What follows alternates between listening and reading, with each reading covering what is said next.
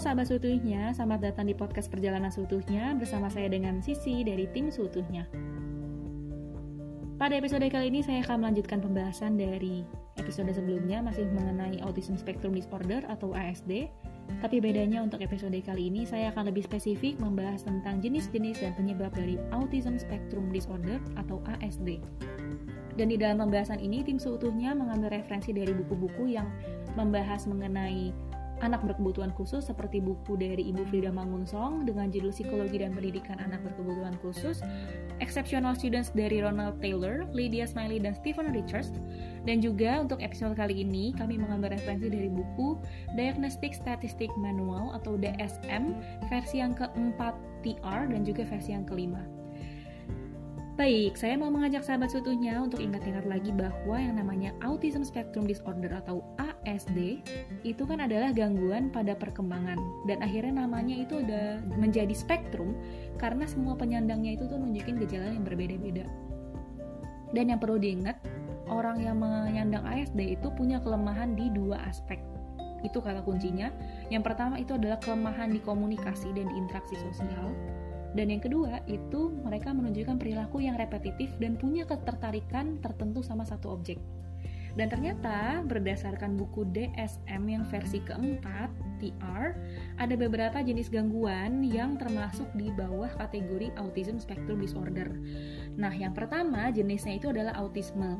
Kalau autisme, orang yang menyandang autisme itu kelihatan menarik diri banget dari lingkungan sosial dan punya kelemahan berkomunikasi.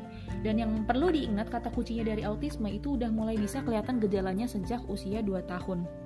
Nah, untuk gangguan ini tuh lebih banyak dialami oleh anak laki-laki daripada anak perempuan. Jenis yang kedua namanya Asperger syndrome. Kalau untuk Asperger syndrome itu e, sering dibilang sebagai autisme tapi yang versi lebih ringan. Kenapa dibilang versi lebih ringan? Karena Asperger ini biasanya uh, penyandangnya itu kemampuan bahasanya itu lebih baik dan kognitifnya lebih baik daripada yang autisme. Lebih baik dalam artian gini. Jadi kalau untuk anak-anak Asperger ini mereka bisa ngobrol, tapi bukan ngobrol yang sesungguhnya. Jadi uh, mereka lebih senang ngomongin hal yang berhubungan dengan minat mereka dan yang diomongin itu terus tanpa peduli lawan bicaranya tuh suka atau enggak uh, tertarik apa enggak sama omongan dia. Pokoknya uh, ada meskipun bisa ngobrol tapi tetap ada yang nggak sesuai gitu kalau lagi interaksi sosial. Nah itu kalau di Asperger syndrome seperti itu. Nah jenis yang ketiga ini agak beda sama dua jenis sebelumnya. Jenis yang ketiga ini namanya Rett syndrome. Rett syndrome. Oke, Rett syndrome ini tuh lebih banyak dialamin sama anak perempuan dan ini sebenarnya agak unik karena pada usia awal usia-usia awal itu kelihatan perkembangannya normal. Tapi mulai masuk usia 7 7 sampai 24 bulan anaknya itu mulai nunjukin kemunduran di dalam perkembangannya khususnya untuk motoriknya si anak ini. Uh, motoriknya itu seperti misalkan uh, gerakan dia mencuci tangan atau mungkin uh, kontak matanya, kemampuan dia untuk melakukan kontak mata itu mulai menurun gitu, masuk ke usia 7 sampai 24 bulan. Nah, jenis yang keempat itu namanya childhood disintegrative disorder atau CDD. Nah, kalau ini dia agak mirip sama yang Rett disorder. Jadi awalnya itu kelihatan normal perkembangan anak, tapi mulai masuk usia 2 tahun itu mulai berangsur-angsur pelan-pelan keterampilan-keterampilannya dia itu mulai e, menurun sampai usianya ke 10 tahun. Dan penurunan ini tuh bisa bisa sifatnya tuh menetap.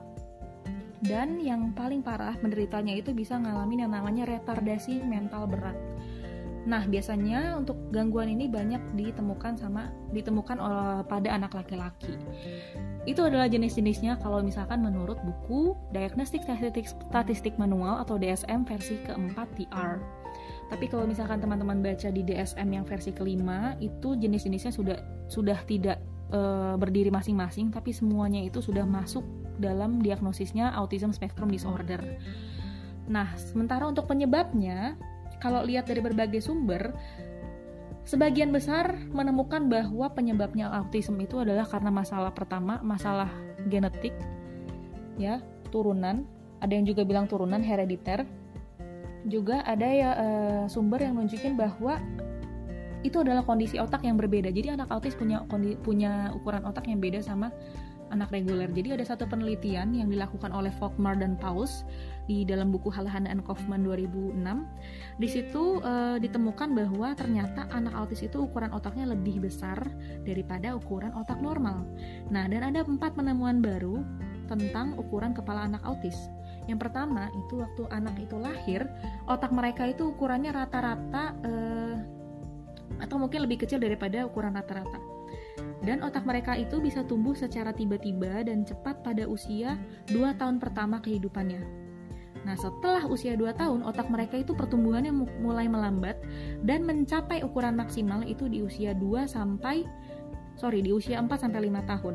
Nah, dan setelah usia 5 tahun, ukuran otak otak mereka itu akan mengecil dan ukurannya akan jadi sama dengan uh, mereka yang mengalami gangguan di usia remaja atau di usia dewasa. Nah, jadi banyakkan sumber-sumber itu memang menunjukkan lebih ke uh, masalah uh, biologisnya gitu bukan psikologis justru. Jadi autism itu bukan gangguan psikologis tapi justru penyebabnya itu adalah di dalam biologisnya. Dan ada juga penelitian yang unik banget itu nemuin bahwa ternyata autism itu bisa disebabkan karena perilaku ibu yang cenderung dingin atau cuek ke anak. Tapi itu sangat sedih, sangat sedikit kasus yang seperti itu. Lebih banyak sih memang uh, artikel-artikel itu menunjukkan penyebabnya adalah dari segi biological atau biologis. Oke, seperti itu untuk jenis-jenis dan penyebabnya. Dan yang perlu teman-teman sahabat seutuhnya ingat itu adalah bahwa individu yang e, mengalami ASD itu sekali lagi itu bukan masalah psikologis tapi itu adalah penyebabnya dari biologis gitu ya. Jadi mereka itu sebenarnya tetap bisa belajar. Hanya saja mereka cuma e, punya kelemahan di dalam komunikasi dan perilaku.